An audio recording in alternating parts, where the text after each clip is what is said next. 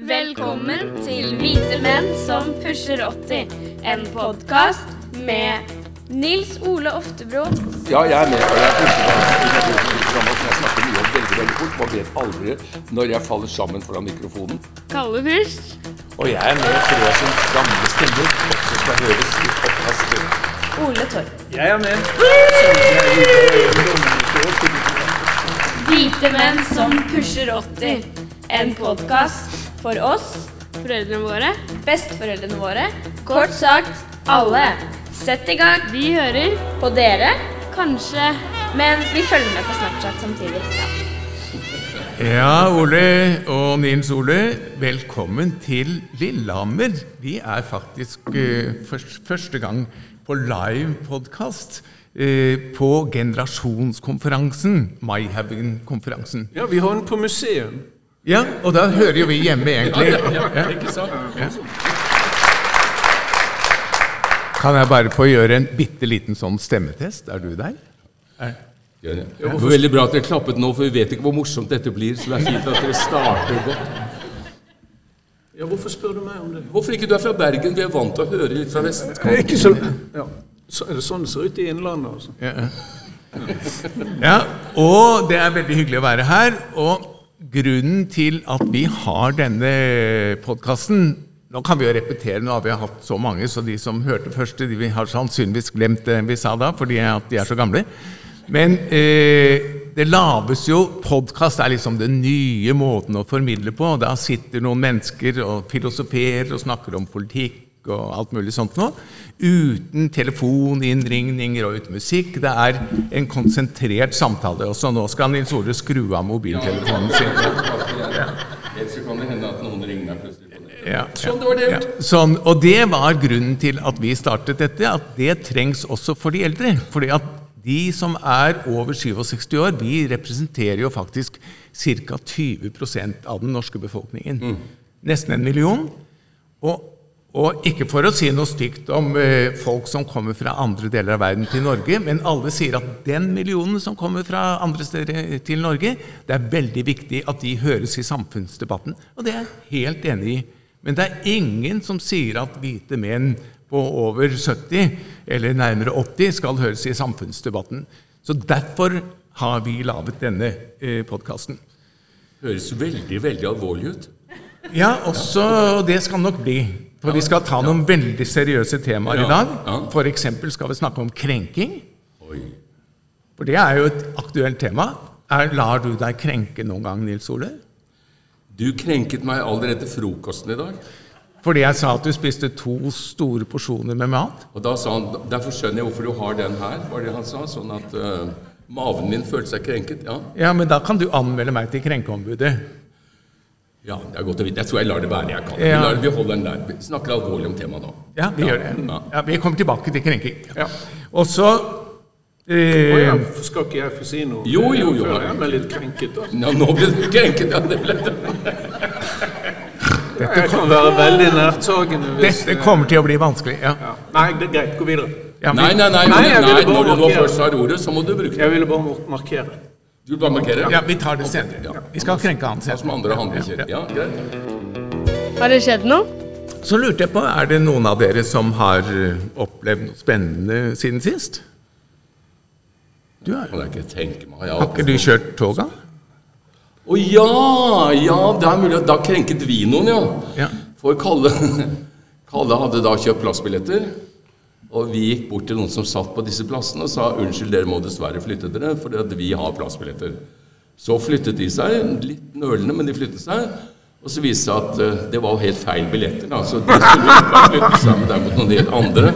Så det, men det var ikke jeg som ble krenket da, det var de som ble krenket da, Kalle. Ja, ja. Men det var morsomt å kjøre tog. Kan ikke du ta mikrofon... Sett deg litt nærmere mikrofonen. Ja, ok, det er greit. Og så prøv den der radioteaterstemmen din.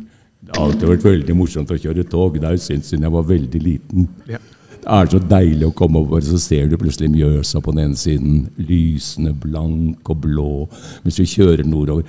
Nå sier jo ikke togene lenger tøff, tøff, tøff, tøff, tøff. Det gjør de ikke, men det er det eneste som mangler. Nils Ola, har du opplevd noe spennende? Han heter ikke Nils Ola, han Nei, heter unnskyld. Ole. Herregud, jeg er programleder. Ole, Eh, Noe spennende? Har i grunnen bare gjort det vanlige. Jeg, Vært i Bergen? nei, dessverre. Det, jeg har ikke vært i Bergen siden 17. mai. Nei, men herregud da, Ole. Ja, det er leit. Det er leit. I stedet for at jeg har havnet her. Nei, jeg har gjort det vanlige. Jeg har eh, jobbet i hagen og lest bøker og gått på kunstutstillinger. Du vet, Vi som begynner å bli eldre, um, blir veldig opptatt av hagebruk. Og, og jeg har nå lest forklaringen på det. En kvinnelig britisk eh, eh, hagespesialist som var over 90 år gammel, og som ble spurt hvorfor hun var så interessert i hage.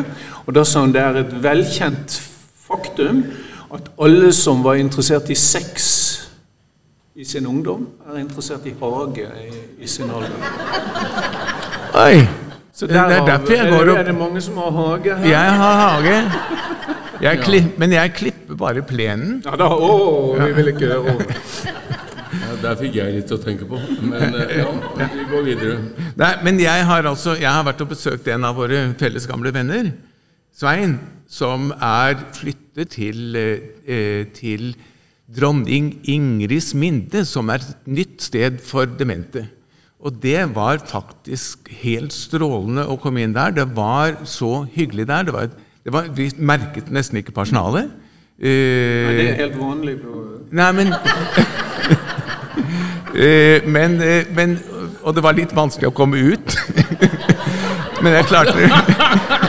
Det var et av de, ja. Akkurat. Men jeg klarte det til slutt. Var det brettvettighet, sa du? Eller hva var det? Ja.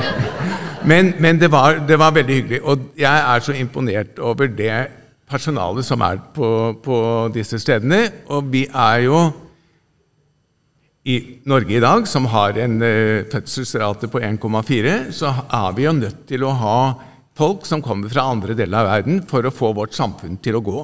Og en av de tingene hvor de gjør en veldig stor nytte, det er i helse, helseomsorgen. Og de er så flinke og hyggelige og tar så godt vare på folk. Så jeg, det er jeg veldig imponert over. Og det skal vi, vi som begynner å bli litt eldre, skal være glad for at det kommer folk fra andre deler av verden som tar vare på oss når vi blir gamle. Og som tar de jobbene ingen orker å ta i. Ja, det er For dårlig betaling. det er litt synd.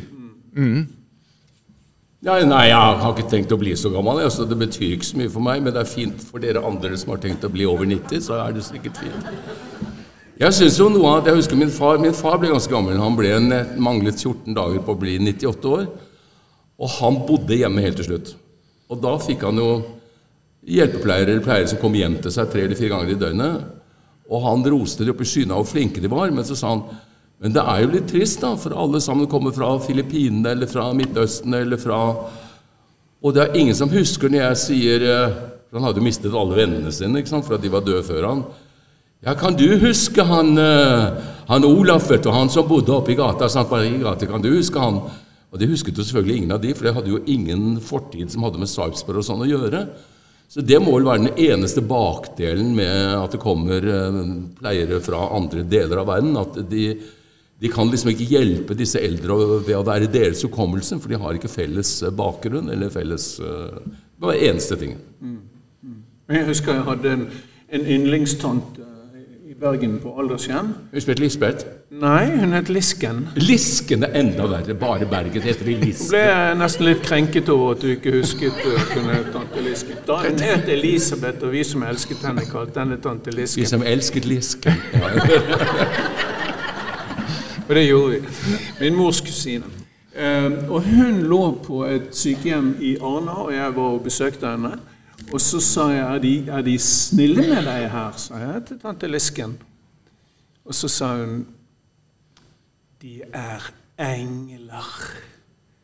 Og så tok hun en liten pause, og så sa hun sorte engler.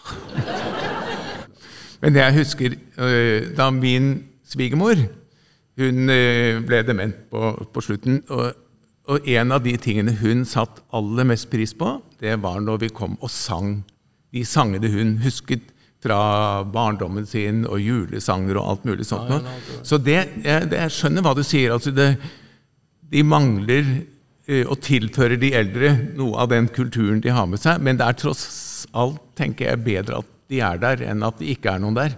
For da ville de heller ikke fått noe sang, altså. Nei, det er klart at to valg da. Enten må man sørge for at det blir færre eldre, eller så må man ta imot hjelp fra de menneskene som er villige til det og kan hjelpe dem. Ja.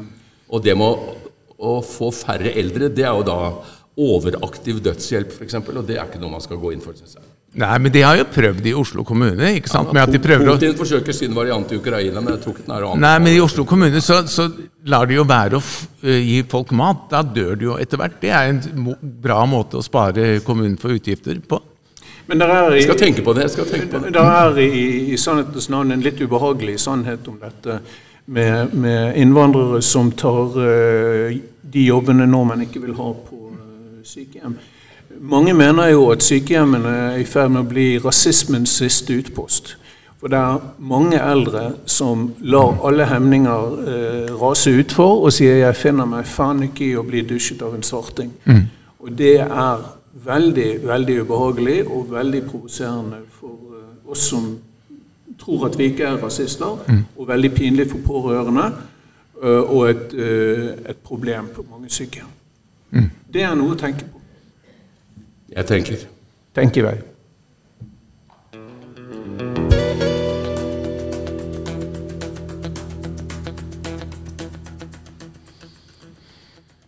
Et av våre yndlingstemaer i Hvite menn som pusher 80, det er jo å snakke om krenking. For det har vi gjort veldig ofte. Vi har liksom plukket ut avisartikler om krenking her og der. Det er veldig mye i USA.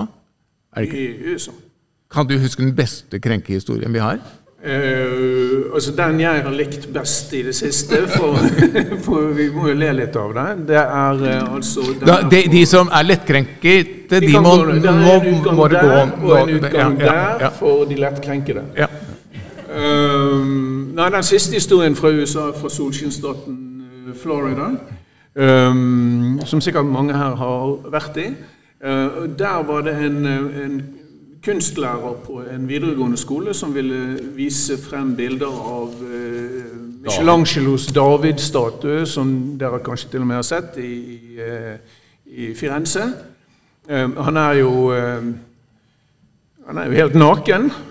Uh, Og noen foreldre reagerte veldig på at deres barn skulle få se en naken mannsfigur, selv om han er fra renessansen og i marmor. Uh, han er egentlig ikke så imponerende. Han er stor, men men ikke overalt, for å si det sånn. Eh, Så denne læreren fikk da beskjed om fra rektor, som hadde fått rasende henvendelser fra foreldrene, om at han, eller hun, tror jeg det var, hun hadde valget mellom å slutte frivillig eller få sparken. Og hun valgte å slutte frivillig, og det ble faktisk en liten skandale i eh, Ron DeSantis eh, hjemstat, han som kan bli den nye Trump. Um, så, så denne læreren måtte slutte, men fikk en søt hevn, for det gikk bare en måned eller to. Så ble hun invitert til Italia på Firenzes regning for å få en egen omvisning i Uffizi-galleriene og se David og bo på luksushotell Edda Bedda, Florida. Det syns jeg var en hyggelig avslutning på en krenkehistorie. ja, det var en hyggelig Er det noen vi kan krenke og bli invitert til et eller annet eh, sted, tror du? Ja, det er Ja. bare Men, fantasien men, som men det er jo tydelig grenser. det har stått veldig mye i avisene i det siste om krenking innen, eh, innen skolen. Ja. Og det er jo alvorlig. Ja, jeg har inntrykk av det. Altså Spesielt mellom da lærere og elever, og elever imellom. Og nå er jo vi så gamle, da, og i hvert fall jeg, at jeg kan huske på min tid så eh, hadde jo lærerne midler de kunne benytte mot elever som da skapte vanskeligheter med medelever eller mellom lærer og elev. Det var ikke sånn at de slo med spanskrør eller skrek og hylte og var forferdelige brysomme. Men det de gjorde, de kunne f.eks. De kunne hvis en gutt, det var som regel gutter, skrek og hylte inne i klassen og ikke ville gå ut, så kunne de ta han i nakken og si 'nå går du og stiller deg på gangen', og så kommer du inn igjen når du mener at du selv er klar til å gå inn. Eller de kunne sende vedkommende til rektor. Eller noen kunne bli utvist for to og tre dager. Og det verste vi visste Hvorfor sier jeg 'vi'? Ja, det var eh, nok om det. Jeg var jo en stille og rolig gutt og satt som regel helt stille. Eh, Det var å sitte igjen på skolen og skrive salmevers. Og vi fikk da omtrent halve Landstads salmebok å skrive, så det tok ganske mange timer å sitte og skrive den av. Og det gjorde at neste dag på skolen så bestrebet du seg ganske mye på å være stille. Og ingenting av dette var voldelig i noen forstand som jeg opplever som voldelig. Men det er klart at hvis krenking består i at vedkommende elev skal si å ja, det er jeg helt enig i, altså, gudskjelov at du straffer meg litt, for det er veldig fint, tusen takk. Hvis det er der grensen går for å være krenket, så er det klart at dette var krenking. Og så opplever jeg egentlig at barns oppgave i verden si, det er, å, det er ikke å finne grenser, det er å sprenge grenser. Barn skal vokse de fra å være babyer til å finne på ting, til å se hvor langt de kan gå i alle retninger. Det er vår oppgave som voksne å sette de grensene. Jeg tror de aller fleste barn de opplever det som en stor befrielse at det blir satt grenser. Man skal ikke tro at barn på fem år for eksempel, er voksne mennesker. Du skal ikke stå og resonnere. Nå skal du høre her, gutten min, at nå har du vært veldig slem. vet du. Har du det vondt hjemme? Var du trist til frokost i dag morges? Det er bare tull! De snakker med vedkommende som vedkommende var venninna si, eller en av folk de sitter på en klubb med. eller. Barn er ikke sånn. Barn trenger at vi voksne viser barna hvor grensene går for handlinger mellom barn og mellom voksne. Ingenting gjør barn tryggere. Jeg tror at jeg var mye tryggere i skolen på min tid enn veldig veldig mange barn er i dag, som blir veldig forvirret egentlig over hva de får lov til. Hvorfor denne kompisen deres får lov til å skrike og hyle og ramponere hele klasserommet. Hvorfor ingen har muligheten til å stoppe han. Jeg tror det gjør barn kjempeutrygge og med til å skape store psykiske problemer for barn langt inn i tenårene. Men nå er det Takk jo for meg lag- og vel hjem. Men nå, men nå er det jo lagd altså, Vi har jo hatt fæle lærere, alle sammen i vår generasjon. Jeg hadde lærere som slo.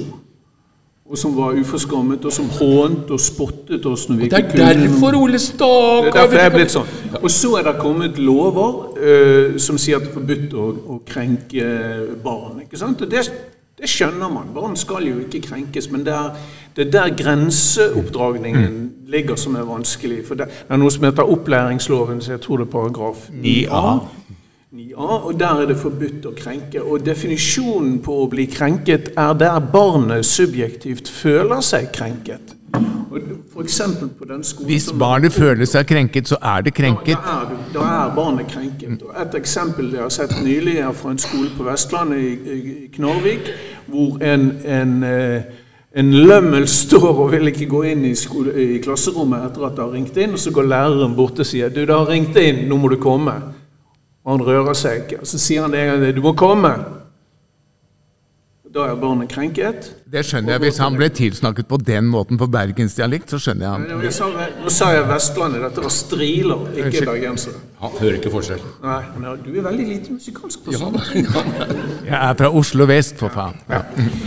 Men nå har de i alle fall eh, laget en, eh, eller nå har regjeringen eh, sagt at de vil lage en ny regel, og det er at det må være lov for lærere å ta i tu med f.eks. vold. Liksom stanse vold, i hvert fall.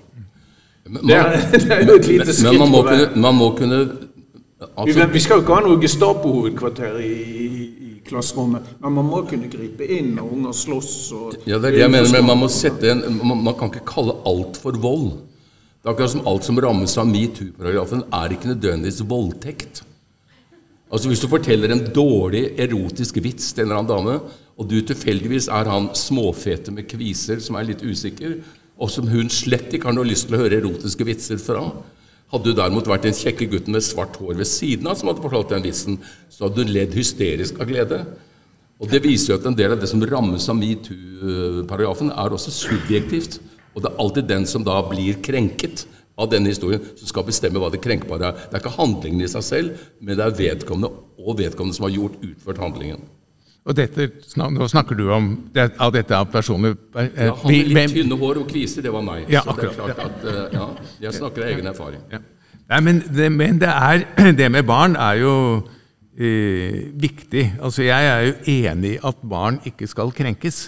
Men jeg er også enig i at barn skal ha en veiledning i livet. Altså, det å være voksen betyr jo faktisk og, og når du har barn, betyr at du skal veilede de barna inn, og da må du fortelle dem hvordan folk reagerer på deres eh, handlinger hvis de gjør sånn og sånn og hvis sånn. du ikke har det med deg hjemmefra, så er det ikke læreren som skal Nei. Nei, det nei, men det er jeg enig i. Altså, ja, men det er de voksne hjemme som, som må gjøre det. Og da er det jo bl.a. veldig viktig at du må faktisk ta hensyn til hvor gammelt barna er. Det er for, forskjell på en fireåring og en tolvåring.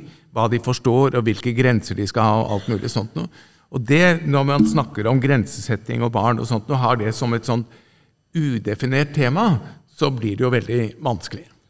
Men, men hva opplever du, Kalle? Hva er det Nevn et eksempel eller et par-tre liksom, på hva, hvordan krenker man et barn som er la oss si fire-fem år? Du Hva du sier, du du sier du er dum Ja. i påhør av Ja. andre barn. Du er en drittunge. Ja, ikke sant? Du, du stempler barnet med ord. ikke sant? Eksempel. Ja. Jeg vil anta at de fleste barn oppfatter det veldig tidlig som en slags krenkelse. Men, men hvis du sier til et barn Hør nå her, gutten min. eh, Du kan ikke fortsette å gjøre det du nå gjør. Du kan ikke sparke det sandslottet som de jentene bygger for tredje gang nå. Det kan du bare ikke gjøre. Hvis du gjør det, så må jeg få deg fra å gjøre det. Og da kan det hende at jeg blir nødt til å låse deg inne, skulle jeg til å si, eller stenge deg inne på et rom inne.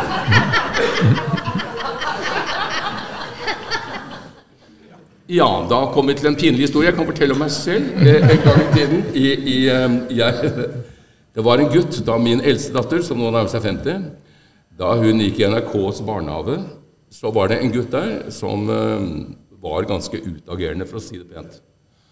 Og han eh, og det kvinnelige personalet som var der, de ble utrolig irritert og utrolig lei av ham og visste ikke hva de skulle gjøre. Så de ville utvise ham fra barnehagen. Jeg likte den gutten, jeg. Men jeg skjønte at han hadde pro problemer med grensesetting.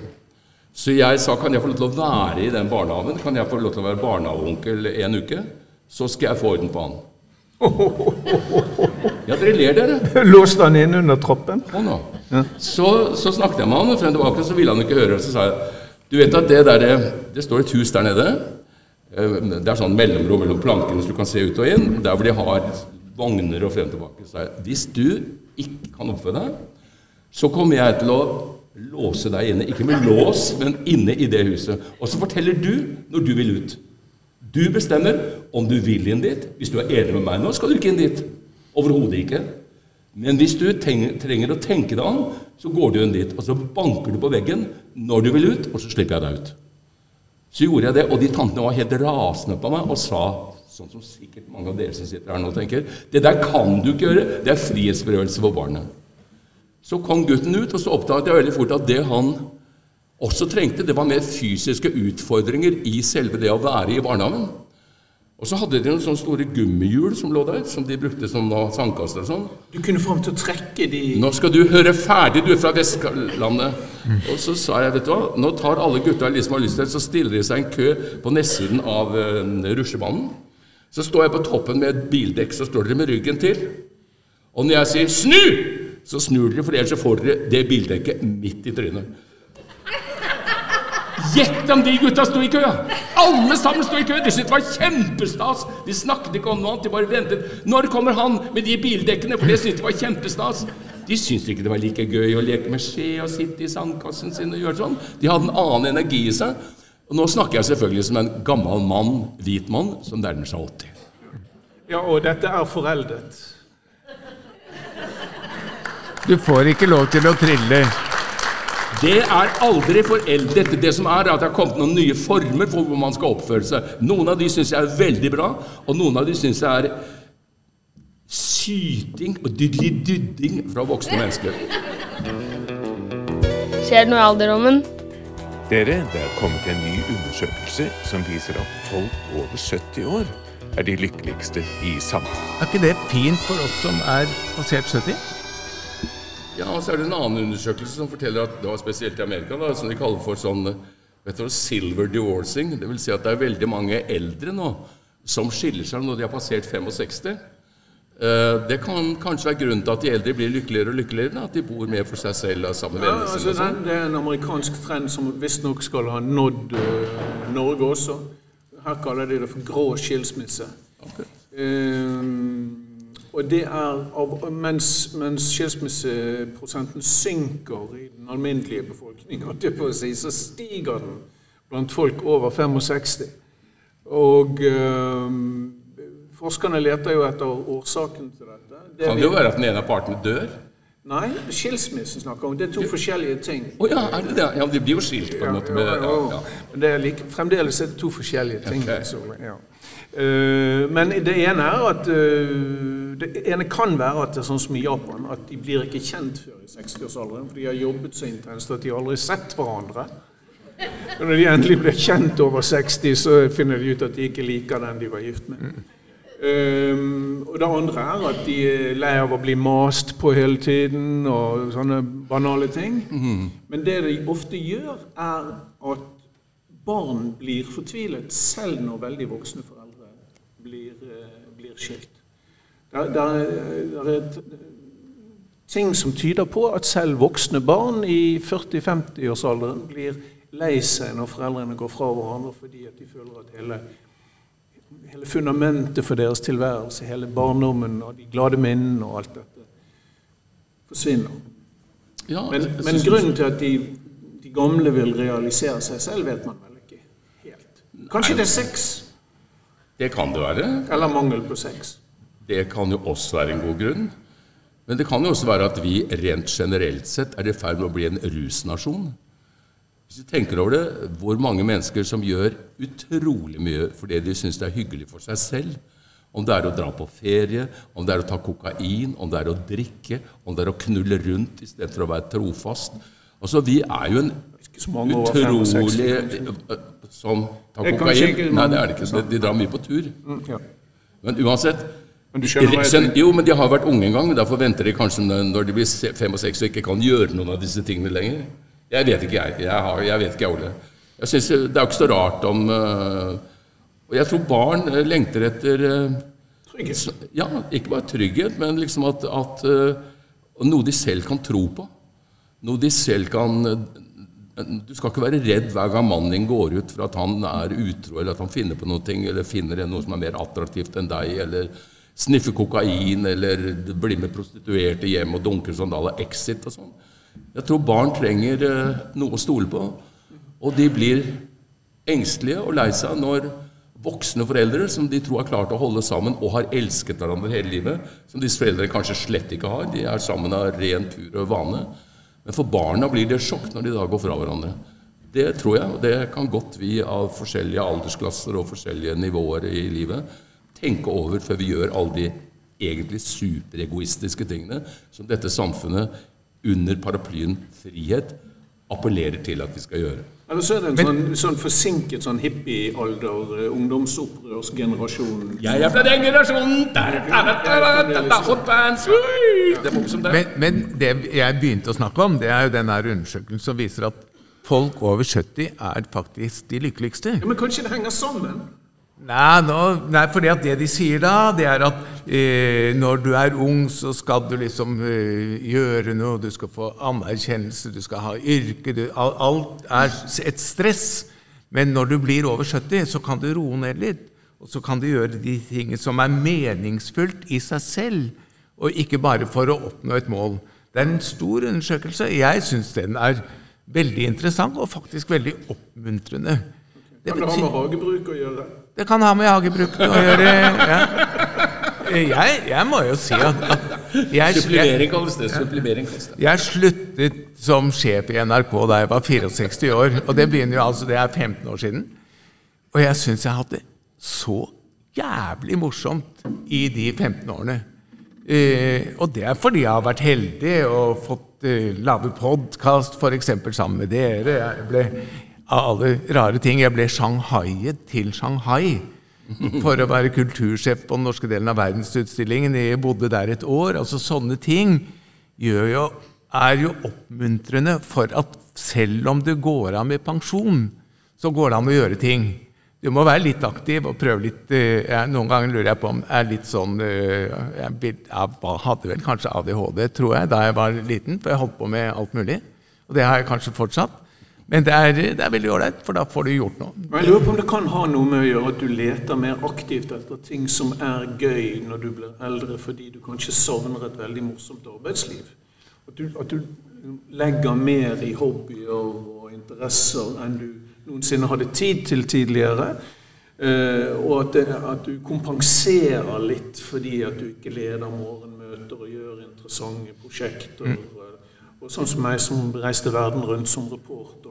Ikke sant? Det var jo, jeg elsket jo arbeidet mitt. Ja. Og, og, men det er klart at man leter etter nye ting å interessere seg for. Og du har kanskje mer tid og evne til å uh, reflektere over det når du er uh, så vidt over 70. Nei, men jeg, men jeg, ville, jeg oppfordrer jo alle voksne, uh, ordentlig voksne mm. var det noen som var? El, unge eldre opp til 70, eldre eh, 70 til 80, og eldre eldre. Det er en god definisjon. Eller selv- gamle, som vi ofte eller når du blir eldre, Selv når du blir eldre eldre, tror jeg altså at det går an å gjøre ting aktivt. Men du må være påpasselig selv med å finne på ting. Yep.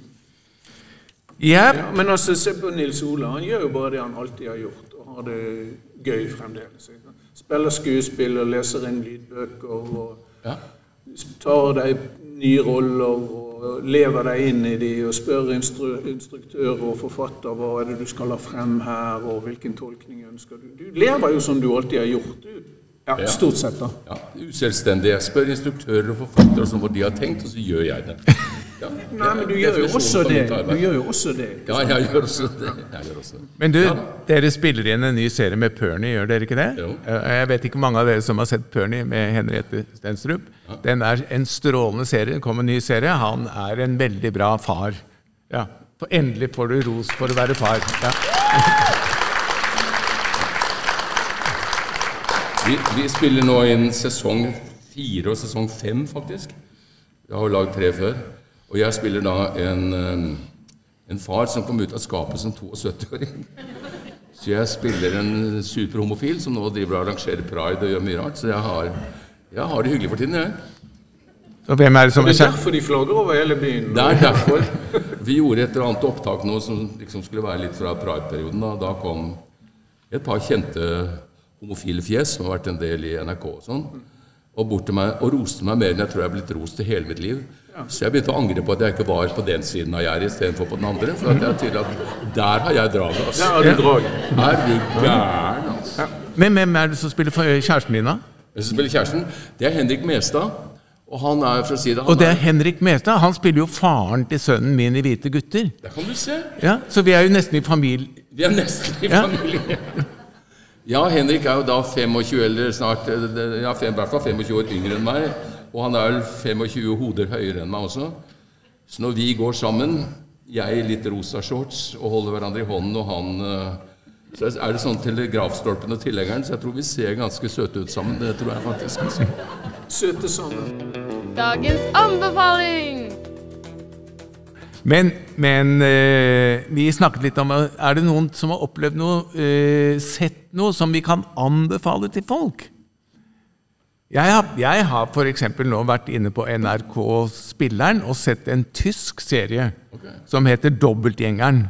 Den er virkelig verdt å anbefale. Det handler om en dame fra Vest-Tyskland som er på forretningsreise til Øst-Tyskland, og så går hun på den store Das Palast, den store scenen i Øst-Tyskland hvor de har kabaret og sånn, og så ser hun plutselig på scenen en som er kopi av henne. Og det er utgangspunkt. Og så er det en kulturhistorie. De snakker om Tyskland på 1988 uten at det er liksom fordommer verken mot vest eller øst. Eh, Så det er en kjempeinteressant historie om det som viser seg å være tvillingpar da, som er blitt splittet, og som finner tilbake igjen. Og jeg kan anbefale 'Rallarblod' fra 1978 med Nils Ole Oftebro i hovedrollen. Men Jeg vil ikke si det er en god film, men jeg ser i hvert fall mye tynnere og yngre ut. Og jeg har veldig mye hår. Det var riktignok ikke mitt eget hår, men en stor parykk. Og det å skulle forsøke å være verdens kjekkeste og gå rundt og sjekke alle damer med kunstig hår, det var ikke noe enkel, grei sak. Og det bærer på en måte filmen preg av, men lykke til. Ja. Da Skal jeg nevne alle de brannkampene jeg har vært på i det siste? som vi kan se i reprise. Ja. ja. De er tilfeldigvis Eierbrann, brann, Cup- eia brann. Ja. Jeg har fått en fornyet interesse for fotball de siste 14 dagene. Ja. Nei, men siden du var inne på Tyskland, så Ja. leste jeg opp en veldig god bok. Er det lov å få en bok? Jeg leste Per Englunds uh, 'Onde netters drømmer', som handler om er en historiebok basert på 136 personer som levde i november 1942, akkurat da krigslykken snudde for Tyskland. Altså en slags analyse av hva som skjedde da Stalingrad falt, eller falt tilbake til Sovjetunionen, da El Alamein falt for tyskerne. Eh, og basert på brev hjem, dagbøker, avisutklipp og slike ting, forteller Peter Englund, svensk historiker, eh, historien om den måneden på alle frontavsnitt i en rekke eh, byer i Europa, i Sovjetunionen, Indonesia, Japan, USA. Utviklingen av atombomben bl.a. Superinteressant hvis noen er interessert i krigen, og det vet vi at veldig mange er fremdeles. Mm så er det en fantastisk bok som forteller om et viktig skille i verdenshistorien. Skal jeg, fortelle, skal jeg fortelle en historie fra krigen? Hvis det er den historien jeg frykter, så helst ikke. Ja, jeg har vel da spilt den mannen som er en del av den historien en gang på teater, har jeg ikke det? Jo, hvis dere tenker på Mener dere at jeg skal fortelle om Quisling? Nei, nei. Har dere lyst til å høre om Quisling? Har dere lyst til å høre hvorfor vi er her i dag? At det er pga. Quisling? Ja. Og det er helt sant. Fordi at min far Se på disse to nå. ja. De har hørt den før. ja. Og sånn er familien min også når jeg begynner å fortelle. Min far han arbeidet i motstandsbevegelsen under krigen. Hvor gang sa du at han var ansatt i ja, De søkte alltid et eget kontor der, skjønner du. Milorg-kontoret, hvor de kan melde deg på hvis du vil være med. Ja. Jeg har bare fem minutter igjen. ja. Eh, min far var ansatt, eh, han jobbet i Milorg, og så sprengte Max Manus en båt eh, i Oslo havn mai 1943. Og da arresterte tyskerne som gisler de de trodde var medlem av motstandsbevegelsen, men som de ikke hadde noe konkret på. Så far ble arrestert, og mor satt da med min storebror og storesøster alene en god stund. Så ringte hun til sin far, professor Bull, som var en av de store kirurgene i Oslo på den tiden. Han hadde operert Quisling i 1935. Så sa mor, kan du som kjenner Quisling, gjøre noe? Så ringte morfar. Tok han telefonen, og så ringte han til Quislings kontor, og så sa han det er professor Bull, jeg vil snakke med Quisling. Og så ble han satt over. Det er professor Bull, min svigersønn er arrestert, og det liker jeg ikke. Og så la han på røret. Så gikk det ti dager, så ble far satt fri, og så gikk det ti måneder, og så ble jeg født. Så takk til professor Bull, ikke til Quisling, da. Ja. Jeg har jo da spilt Quisling en gang i et stykke som het Marie Q, som da handlet om ja, Hovedpersonen var Marie Quisling, skrevet av Cecilie Løvheim. Uh, Marie Quisling er forresten truffet, men det er en annen historie. Jeg spilte da Quisling og fikk denne luggen og sto og ventet bak en dobbel dør. Og så satt folk i et amfi på Nationaltheatret sånn som dette her. Så gikk dørene opp, og så sto jeg nesten motlyst, liksom. Så satt folk sånn. Så var det akkurat som jeg kjente isbiter som bare rant ned mellom benkeradene. Jeg har aldri følt et så intens forakt fra et publikum noensinne i mitt liv som da jeg sto og skulle spille, kvist. Så jeg holdt på å glemme min første replikk. Jeg var helt lamslått av hva et kostyme kan gjøre, og hvor mye hat som hang igjen i det norske folk et så veldig mange år etter krigen. Det var nesten sjokkerende. Politisk ukorrekt. Dette er vel korrekt for de gamle menn, da. Men du, du Spil, spilte ikke du forbryter som har kommet ut fra fengsel en gang også? Nei, jeg spilte ikke forbryter. Nei. Nei. Hva spilte du? At jeg skal gjenta en historie jeg har fortalt før, som disse gutta liker. Ja, men den er god. Den, er den god? Den er god. Nå skal vi få bedømmelse om den er god eller ikke. Nei, jeg spilte ikke en forbryter. Men jeg spilte en som uh, politiet trodde var en forbryter. Så jeg ble innkalt og satt i celle, altså i, dette, i denne filmen. Og de trodde han hadde drept sin kone, for de fant da henne liggende i en blodpøl hjemme på kjøkkenet, og trodde at det var han som hadde gjort det. Han ja, det sa vi høre. Ja, ja. ja, ja. Bare spol litt fort frem. Så slapp du ut igjen. Det er sånn man får slapp. Vi er ut... Nok om det, men det er veldig viktig at du hører litt hva filmen handler om. Og så handler det til slutt om at det viser at jeg har ikke gjort det i det hele tatt, så politiet tok feil.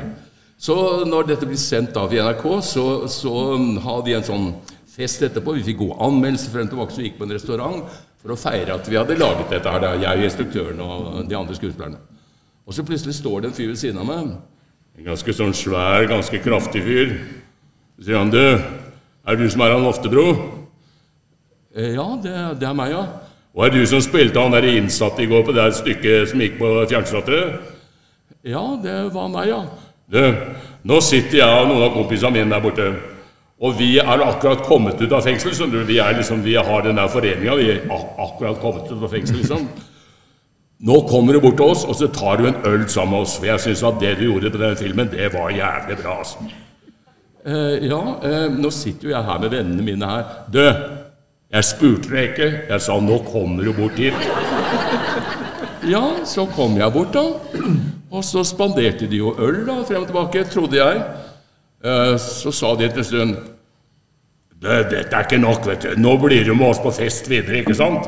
Ja, Og så betaler du først for de øla som er drukket her, ikke sant? Vi har ikke med oss penger og sånn. Så jeg betalte liksom da for 14 øl. Og så ble jeg med disse gutta på fest. Og der kom det litt hjemmebrent og andre ting på bordet. Og etter en stund så sa denne fyren som først var kommet bort til meg Du, Oftebro. Nå skal du få en gave, vet du. Ser du dama som sitter der? Lisbeth. Nå skal hun gi deg en omgang, vet du. Nå skal du få deg fitte som du ikke har fått det på årevis. Nå skal du bare Kom igjen, gutten min. Smil nå, smil nå. Nå går du inn på soveværelset sammen med Lisbeth, og så får du en omgang. Ja, hva sier man til sånt, da? Når det liksom er eh, Det sitter de brannapene, ikke sant? Så jeg sier ja, det Tusen takk, det var jo veldig hyggelig. Så, så jeg og Lisbeth forsvant inn på dette, på, på dette soverommet. da. Og jeg kjente at tissen min hadde søkt tilflukt oppi rumpehullet. Så Den, hadde ikke, den hadde ikke det minste lyst på absolutt noe som helst. ikke sant? Den var veldig dårlig. Og så ser jeg da Lisbeth eh, trekke opp skjørtet, dra ned trusa og begynne å smøre seg med spenol nedentil. Det var heller ikke med på å øke liksom, sjansene for at dette skulle bli moro i særlig høy grad. Så jeg forsøkte å si du, Så sa jeg til Lisbeth Du, Lisbeth, du, jeg har ikke så veldig lyst, jeg. Men tusen takk skal du ha. Det hadde sikkert vært forferdelig hyggelig sånn. Men jeg, jeg har ikke så lyst. Og så sa han Du, nå må du holde opp, da. Du er så selvopptatt, altså. Du skjønner at hvis jeg ikke ligger med deg her nå, så hører de gutta det, ikke sant? Og da blir de jævla forbannet for jeg juling. Så jeg er nødt til å ligge med meg, altså. Ja, tenkte jeg, så Så gikk jeg og satte meg på sengekanten, og så gjorde jeg sånn. Og så sa jeg til Lisbeth Du, Lisbeth, sett deg ved siden av meg nå. Og så gjorde jeg sånn åh, åh, åh. Og så begynte vi sånn åh, åh, åh, åh, åh. Og så gikk jeg ut igjen. Så så han smilende på meg og sa Du, var ikke det en fin gave, eller? Hun Lisbeth? Det var dama si, det, var ikke det? Ja, det var den historien. Den var egentlig en reklamehistorie om Spenol, men ellers så Hvite menn som pusher 80 er produsert av Fyrst og Far, film og fjernsyn, med støtte av Fritt Ord. Medvirkende er Ole Torp, Nils Ole Oftebro og Kalle Fyrst, som også er produsent.